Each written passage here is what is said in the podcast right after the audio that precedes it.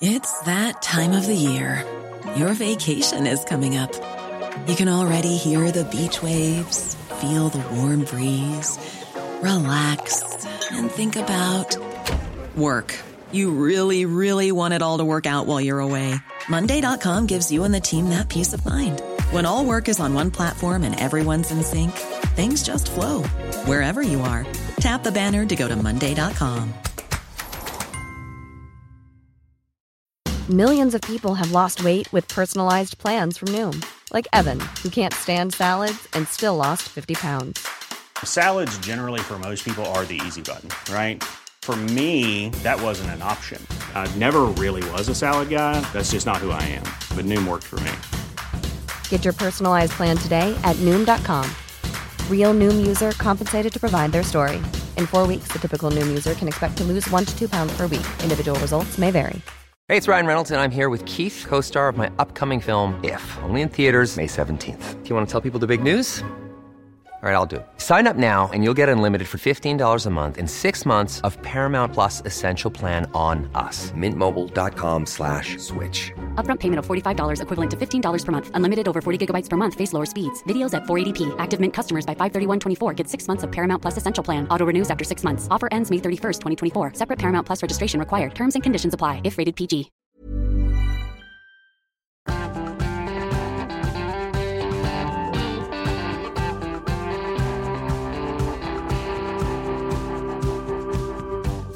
Overlever Ingvild Kjerkol som helseminister, og overleve INP som parti? Velkommen til ukas Omadressert.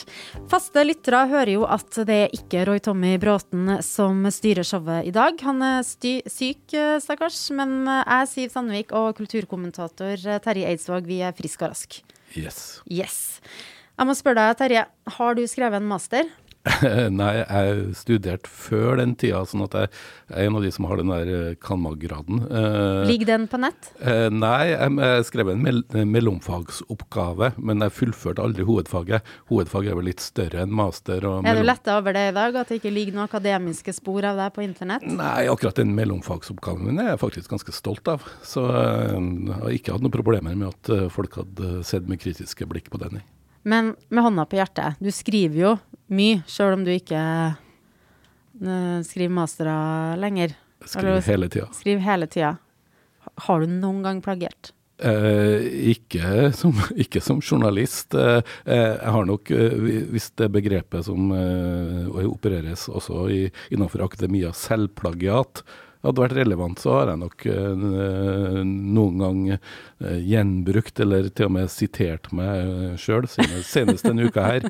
Men det regner ikke jeg som, eh, som plagiat. Nei, og grunnen til at vi snakker om eh, det her eh, Jeg kan jo sjøl si jeg har en master. Uh, den ligger uh, ikke på nett, for sånn gjør de det på det universitetet jeg gikk på i, i New York. Men uh, jeg, tror, jeg tror den hadde gått bra gjennom en sånn test. Og de testene som sjekker om masteroppgaven er plagiert, eller den, kan jo teste alt mulig. Grunnen til at vi snakker om den, er jo fordi den har eh, felt eh, i hvert fall én statsråd hittil. Fredag gikk eh, Sandra Borch eh, av eh, som statsråd for forskning og høyere utdanning etter at det ble avslørt at store deler av masteroppgaven hennes i juss det var klipp og lim, uten eh, at hun hadde fortalt at hun hadde klippet og lim, og det er jo juks. Og dagen etter, lørdag ettermiddag, så kom VG og NRK med saker som viste eh, en god del tekstlikhet, som er det nye ordet nå. Eh, også helseminister Ingvild Kjerkol sin oppgave, som hun hadde skrevet sammen med en medstudent og levert i, i 2021. Og noen timer etterpå så stilte jo Ap-toppen opp på Dagsrevyen og sa på direkte spørsmål nei, vi har ikke kopiert. Hva tenkte du da du så det intervjuet, Terje? Jeg tenkte at nå vil eh, pressefolk over hele landet og andre kaste seg over denne eh, oppgaven og finstudere den. Jeg stussa jo litt på at hun først ikke svarte to ganger på spørsmålet fra uh, var vel Nina Ingvild Bryn. Ingvild Bryn, Mm. som spurte om, om hun nekter for å ha kopiert. Hun liksom omgikk det. Men så ble jeg også litt sånn stuss når hun forsvarte seg med at på like fot med andre studenter, uh, så uh, var oppgaven uh, levert inn etter anbefaling av veileder. Tenkte jeg, er det her en saksopplysning, eller er det en forsøk på liksom litt ansvarsfraskrivelse? Jeg vil vel tro at de aller fleste har vært i kontakt med veileder før de leverer. Og så er spørsmålet hva kan, kan veileder avsløre den type ting som, eh, som har kommet frem i de her tekstlikhetene? Eh, burde han ha skjønt at eh, begrepet relasjonell ontologi eh, kanskje ikke var suget fra eget eh, bryst? Eh, vanskelig å si, men jeg, å, jeg, jeg fikk en eh, følelse av at eh, her beveger du deg i trøblete landskap, eh, bare ut ifra det hun sa i det intervjuet Ja, live på Dagsrevyen. på Og det er jo For jeg hadde jo rukket å lese den eh, VG-saken med flere eksempler, både én og to ganger før det intervjuet. Og det jeg tenkte eh, ikke ga noe mening, var at hun viste veldig mye til at vi har ikke kopiert, men vi har brukt samme metode, og derfor er- har det her skjedd. Eh, men også i delen som handler om hva informantene sant, I en masteroppgave så kan du eh, intervjue eh, folk som du skal forske på, og så forteller de deg ting, og så bruker du det i oppgaven din, og da kalles de informanter. Og også når det gjaldt dem, så var det jo helt kliss like formuleringer om hva de oppga, som fra en annen oppgave som var levert eh, noen år før. Og da tenkte jeg at denne forklaringa heller jo ikke vann. Jeg trodde jo aldri at hun hadde funnet på informanter og liksom sittet der og, og dikta. Men det var noe her som skurra veldig mellom det hun sa både i VG først og i Dagsrevyen, og det hun sa etterpå. Og så først over et døgn etterpå så erkjente jeg jo at ikke alt hadde gått som det skulle. Ja, på, på søndag eh, i et intervju, var vel med VG, eh, så Det var ikke noe intervju, alt har vært skriftlig her. Det er kun skriver i en e-post. Men der forklarte jeg vel om at det sannsynligvis var en slags følgefeil av at det hadde vært element i oppgaven som hadde vært drøfta knytta til andre oppgaver, men at det var tatt ut, og så var de her henvisningene Ja, ja. blitt stående En igjen. redigeringsfeil. En redi- Ja, så ergo så, så, så fremstår det jo kanskje mer som, som slurv enn en bevisst uaktsomhet eller juks, men, men eh, i løpet av tida som har gått, så har det jo kommet enda flere eksempel på det her. Og det som gjør den saken her så spesiell, det er jo de, de knallharde reaksjonene som har vært mot eh, studenter ved mange institusjoner i Norge eh, for ting som kan minne om noe lignende som, som Ingvild Kjerkol-saken ser ut til å dreie seg Ja, det har jo vært flere um, folk fra akademia ut og sagt at uh, studenter har blitt uh, tatt for uh, fusk for mindre alvorlige ting enn det som er kommet fram fra Kjerkol sin oppgave. Og, men akkurat det du var inne på der, Terje, er det slurv eller er det juks? Det er jo det debatten har handla om, og plutselig så vet alle mye mer om sitatpraksis i akademia enn før. I hvert fall du, Stian Vallum, journalist i Adressa, som nå har vært vår plagiatreporter. Mm, en fin label å få det. ja, velkommen. Ja, takk. Ja, nei, det ble ei anna uke enn jeg trodde. Eh, Det er jo litt sånn i yrket her at du plutselig må kaste deg ut på dypt vann og prøve å forstå noe som kanskje er veldig komplekst, og prøve å forklare det på en enkel måte. Og du har jo tatt en enkel jobb, for det er liksom ikke sånn vi ringer en ekspert, og så får vi fasiten her. Nei, ekspertene er jo veldig uenige. Eh, Så det første som skjedde på mandagen da jeg kom på jobb, eh, det var jo at uh, hun hadde blitt intervjua, eller hadde sendt eh, noe svar til VG da, om uh, hvordan den her eh, våre informanter-setningen særlig da, hadde kommet inn i hennes oppgave.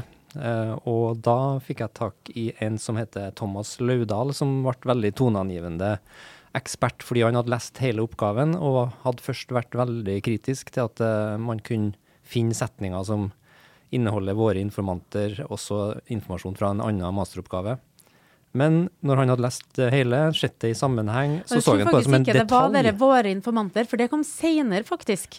Jeg tror det var med i Det var det der med vår forskning. Vår fors ja, Ja, fram og tilbake her. eh, I hvert fall, det var både, la oss kalle det, metodelikheter og funnlikheter, da. Som, Ja. Og han eh, hadde en teori om at Eller han trodde på Kjerkol sin framstilling da, om at det var en redigeringsfeil, og han mente at oppgaven uh, inneholdt så mye egne funn at det var helt på detaljnivå, de disse likhetene, da. Ja. Og det var jo en interessant motstemme da, imot eh, det drevet som gikk imot at hun hadde kopiert, og at det var masse eksempler Ja, på det. Ja, eh, det ble jo sagt at hun har drevet forskningsjuks.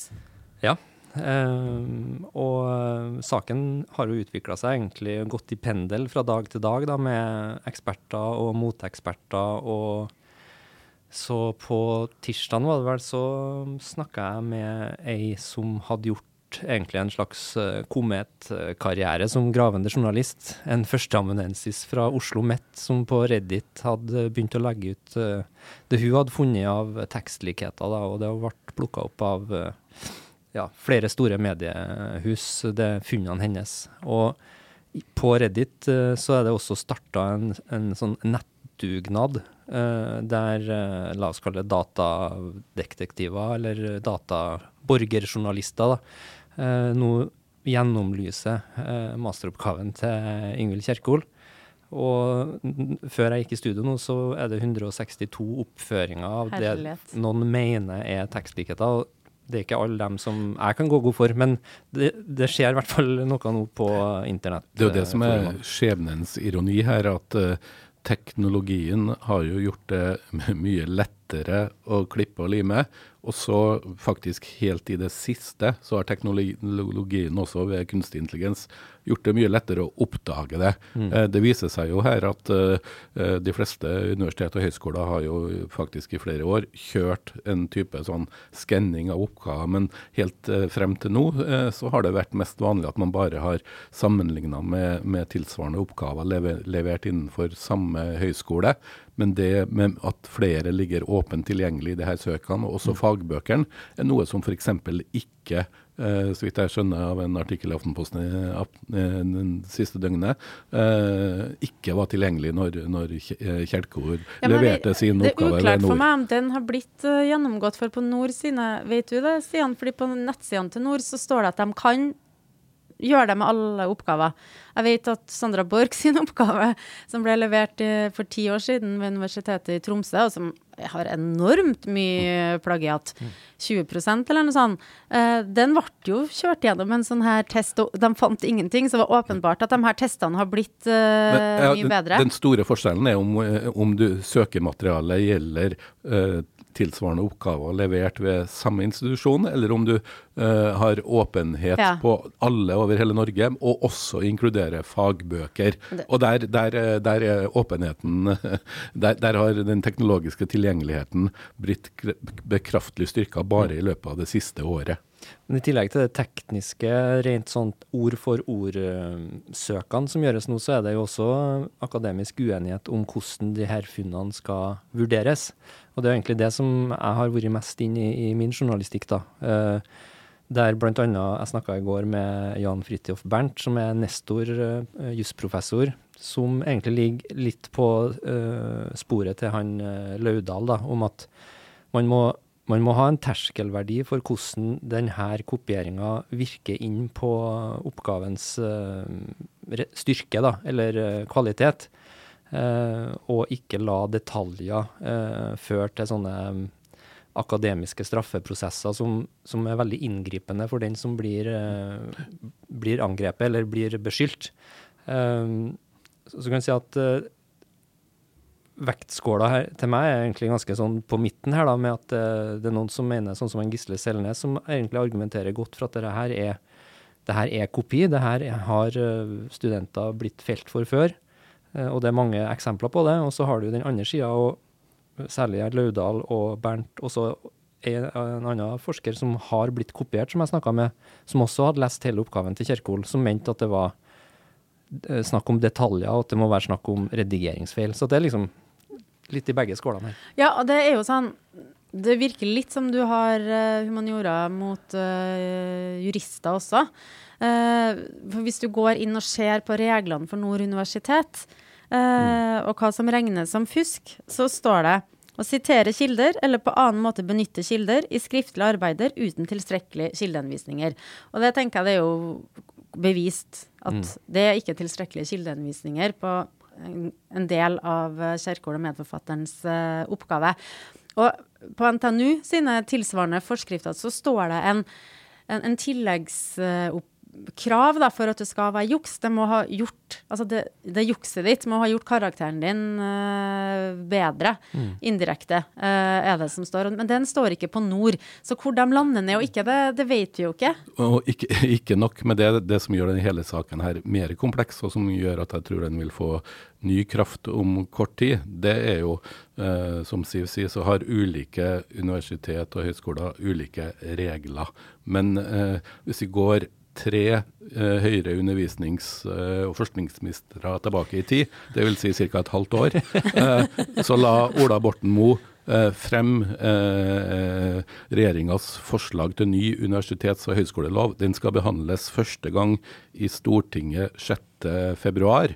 Og der foreslo, foreslår Morten Moe, eh, Moe eh, og departementet at eh, reglene for, eller straffen for utestengelse ved, ved, ved det som kalles uh, eh, grove tilfeller av fusk og uredelig opptreden, den skal økes fra ett til to år. Eh, Da bør kanskje terskelen for hva som regnes som eh, grov eh, fusk, eh, heves et par hakk. ja, og Eller i så- hvert fall defineres. Men, Ja. men, men for, forslaget der ligger jo Jeg har jo lest den, den NOU-en i dag, og, og der er jo for, eh, forslaget at det fortsatt skal være ulike regler. Og det ønsker de fleste også av institusjonene. Nord har sendt ut et høringsforslag hvor de støtter eh, forslaget om å øke utestengelsesstraffen ved, ved grove tilfeller av uredelig oppførsel, eh, eh, opptreden i, til, fra ett til to år. Men, men, eh, men eh, der kommer det visstnok eksempler i den nye lovteksten, men fortsatt så skal, er det en oppfordring til at det skal være ulike regler. Ja, og at de skal, skal sam samkjøres. Og nå sitter jo Nord og vurderer denne oppgaven, og de har sagt at det kan ta to måneder eh, før de eh, konkluderer. Og så men det er ikke sikkert Jonas Gahr Støre, statsministeren, har like lang tid. Men han har jo sagt da, på spørsmål om Kjerkol har hans tillit, så sier han ja.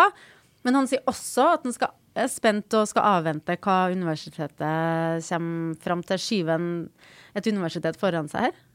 Eh, eh, ja og nei. Eh, problemet oppstår nok hvis, hvis eh, Nord eh, ender opp med en slags eh, hva skal jeg si, En mildere fellelse enn en utestenging og annullering. Hva hva gjør han da? Han, han kjøper seg jo tid, men han kjøper seg også problemer. og Særlig nå når denne debatten om den nye høyskoleloven. Men jeg tror det, det viktigste elementet i saken her er, er behandlinga av Kjerkol, sett i forhold til behandlinga av tilsvarende saker andre steder. Jeg tror det er den motoren. Jeg, t- jeg tror ikke det er så mange lenger som tror at det her er snakk om bevisst forskningsjuks. Jeg tror det er begrepet uaktsomhet, eh, og eventuelt hvor grov den uaktsomheten er.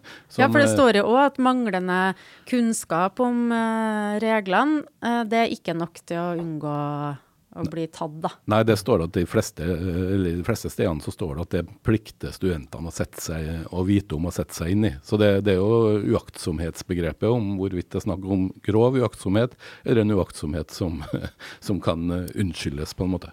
Det kan, kan ja. jo også sies om han eh, Laudal, som var veldig uh, ute og gikk ut og beskytta eller, og forsvarte uh, Kjerkol på, på den mandagen. Han ble jo mer betenkt etter hvert som det kom flere eksempler.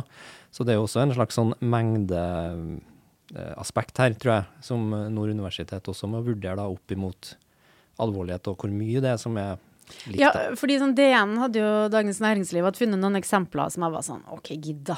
Det her er, det er så knapt en sak.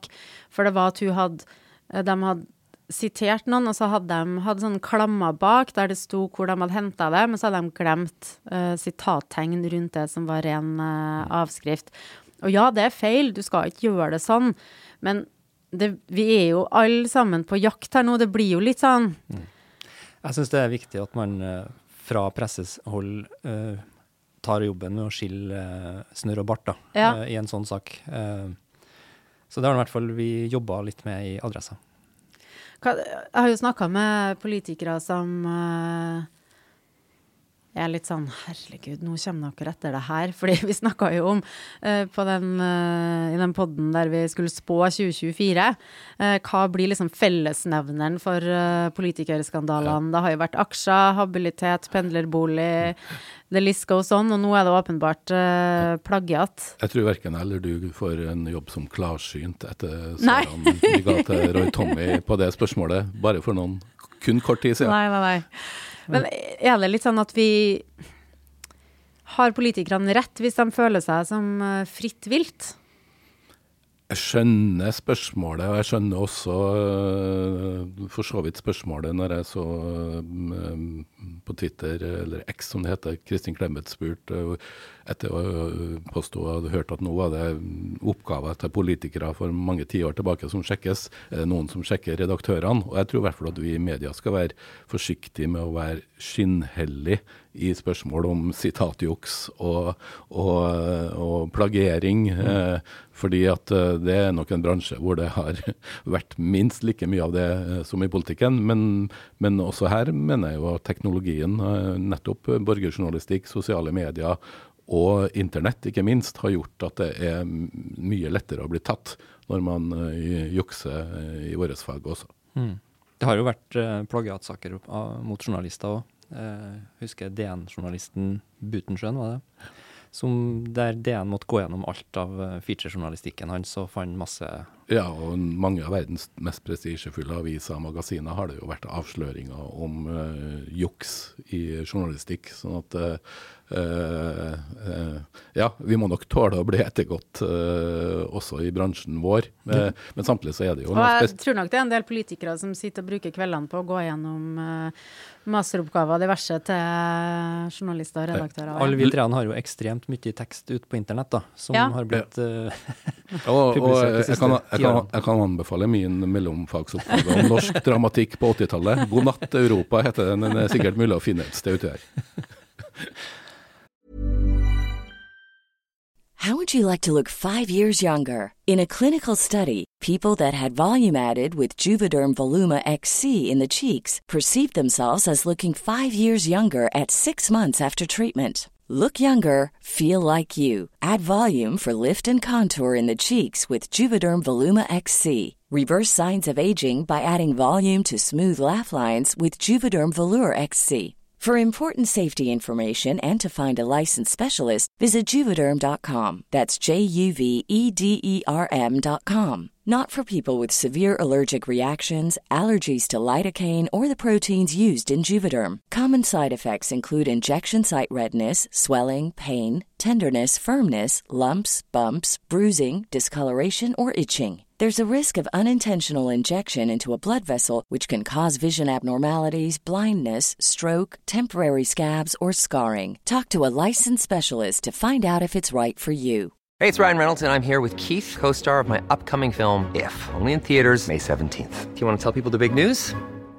All right, I'll do it. Sign up now and you'll get unlimited for $15 a month in six months of Paramount Plus Essential Plan on us. Mintmobile.com slash switch. Upfront payment of $45 equivalent to $15 per month. Unlimited over 40 gigabytes per month. Face lower speeds. Videos at 480p. Active Mint customers by 531.24 get six months of Paramount Plus Essential Plan. Auto renews after six months. Offer ends May 31st, 2024. Separate Paramount Plus registration required. Terms and conditions apply if rated PG. Millions of people have lost weight with personalized plans from Noom. Like Evan, who can't stand salads and still lost 50 pounds. Salads generally for most people are the easy button, right? For me, that wasn't an option. I never really was a salad guy. That's just not who I am. But Noom worked for me. Get your personalized plan today at Noom.com. Real Noom user compensated to provide their story. In four weeks, the typical Noom user can expect to lose one to two pounds per week. Individual results may vary. Since 2013, Bombas has donated over 100 million socks, underwear, and t shirts to those facing homelessness. If we counted those on air, this ad would last over 1,157 days. But if we counted the time it takes to make a donation possible, it would take just a few clicks. Because every time you make a purchase, Bombas donates an item to someone who needs it. Go to bombas.com slash ACAST and use code ACAST for 20% off your first purchase. That's bombas.com slash ACAST, code ACAST. Men det som jeg òg anbefaler for folk som uh, ønsker litt uh, underholdning, det er jo å følge med på Industri- og Næringspartiet. Altså torsdagens Politiske kvarter. Jeg måtte liksom stoppe, jeg var på vei til jobb, jeg måtte stoppe opp og bare spore tilbake og, og høre igjen. Og jeg kommer tilbake til det. Men altså, det hele partiet der framstår jo som en sketsj. Hva Klassekampen uka her, Terje, hva kunne de fortelle f.eks.? For Nei, kuppforsøk, forsøk på å uh, fjerne lederen. Det er varslingssaker mot begge nestlederne i partiet. Eh, et sentralt partimedlem har vært tilbudt å, å overføre mange av partiets partiets Ja, ressurser. ikke ja, det er generalsekretær eh, Ole Martin Martinsen har sendt en mail Men er det klart om de har generalsekretær eller ikke? Ja, det- nei, har de landsstyre eller ikke? Det, det er på en måte, for meg så virker det som om alt flyter. Har de et parti eller ikke? Eh. Nei, for han hadde jo sendt en mail til Folkets Parti, som eh, kanskje mange kjenner som Folkeaksjonen mot bompenger, og spurte om de var interessert i å ta imot eh, han, og han mente at han kunne få liksom 50% av de andre eh, topp tillitsvalgte i partiet, men det, om han har rett i det, det er jo, umu det er jo umulig å vite noe. Ja, det er fascinerende at de ikke er enige om de har et eh, Landsstyre. landsstyre, Ja. som han eh, Waltersø vel hadde referert til et møte Ja. i. Ja, partilederen eh, Ove Waltesø han hadde jo tidligere ja, sant, vist til det her og prosesser i landsstyret, men nå vil jo flertallet i landsstyret et, jeg må si etter sigende på alt, fordi de krangler jo om alt, eh, sagt at han eh, må gå. Og da har han lest vedtektene på nytt og funnet ut at nei, vi har ikke noe landsstyre.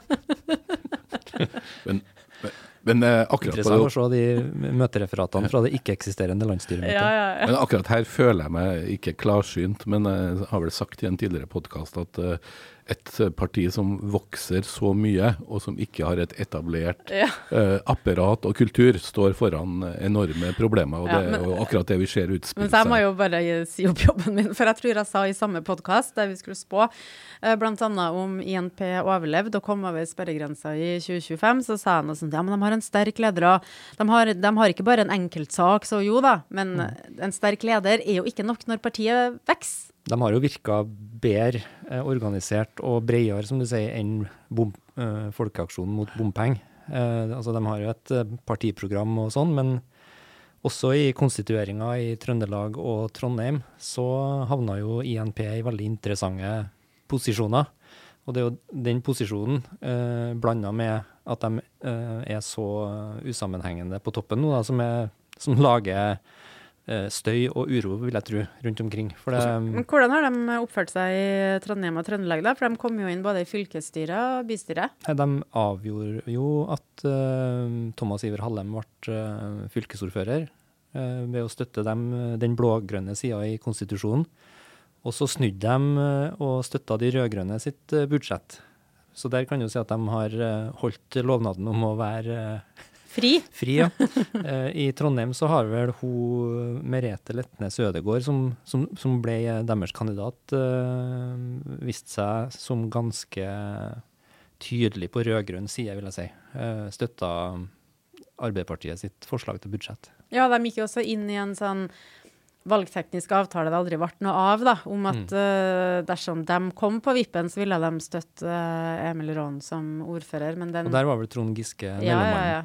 Det det er jo et parti med mange sterke og sikkert også dyktige folk med personligheter med ulike innfallsvinkler til hvorfor de har gått inn i partiet. Jeg ser jo nå bl.a. en som lanseres som en mulig ny eh, hva skal jeg si, høvding i partiet, er jo eh, energipolitisk talsmann Kjell Erik eh, Eilertsen. Eh, Han er ikke akkurat en sentrumspolitiker. Nei, han ble jo berømt i sommer når han eh, på sin sosiale medier-konto kalte eh, Bård Standal fra Fornybar Norge og Aslaug Haga fra si, Aslaug. Aslaug Haga fra, fra, eh, for vår tids nazister. Uh, Beklaga jo det etterpå.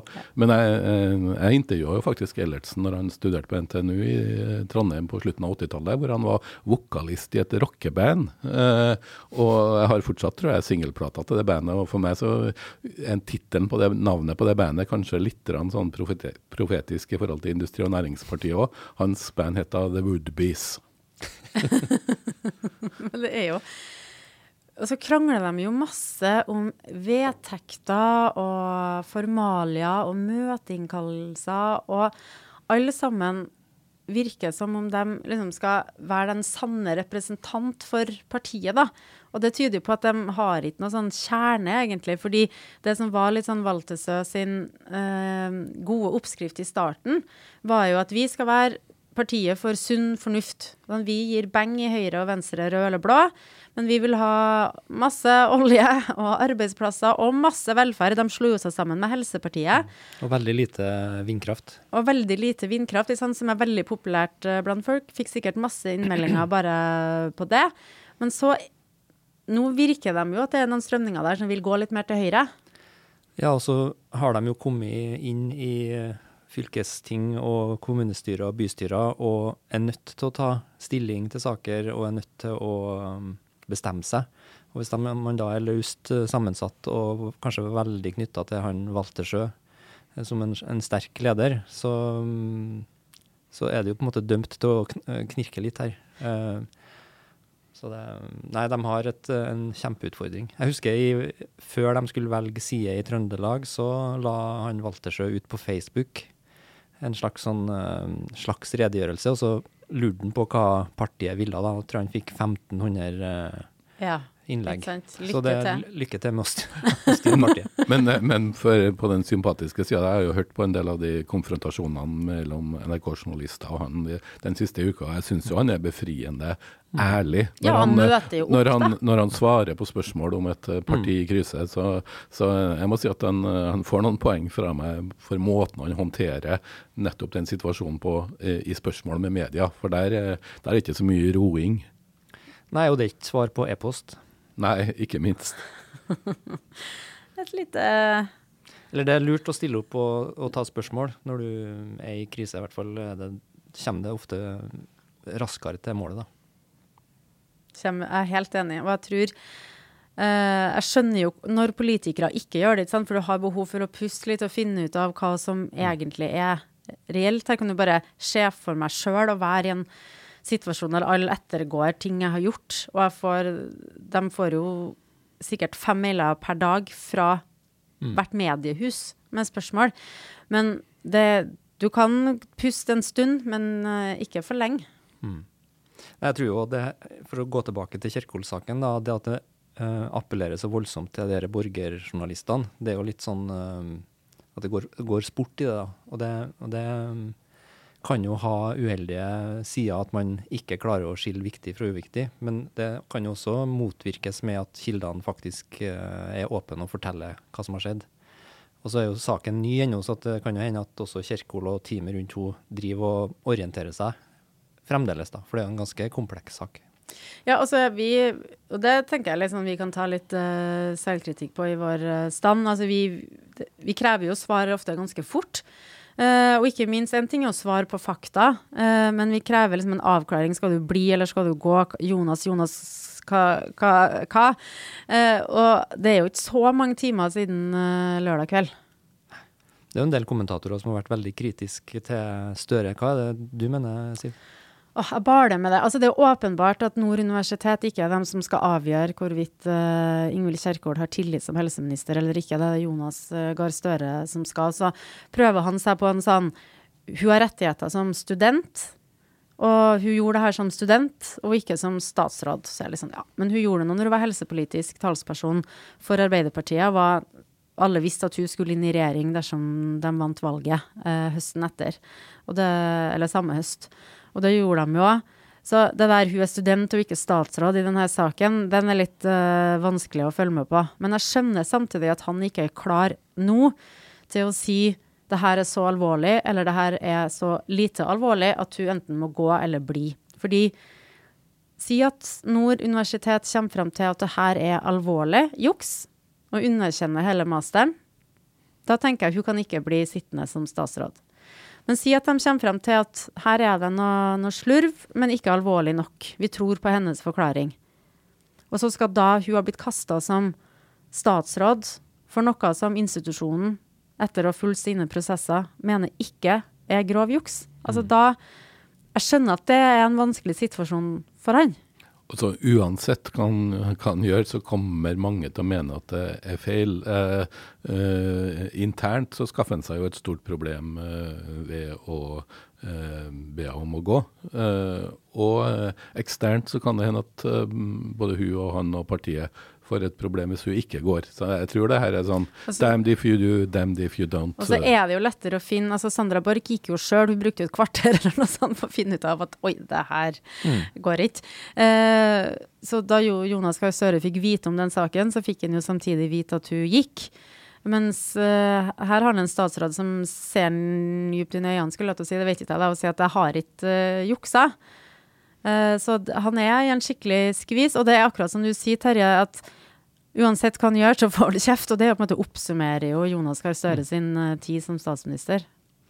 Ja, og det her med plagiat, det har en voldsom tyngde. Um, hun, Sandra Borch gikk av etter et kvarter, som du sier. eh, og Ørland-ordføreren Tom Myhrvold gikk også av eh, etter at eh, det ble avdekt plagiat i hans leserinnlegg.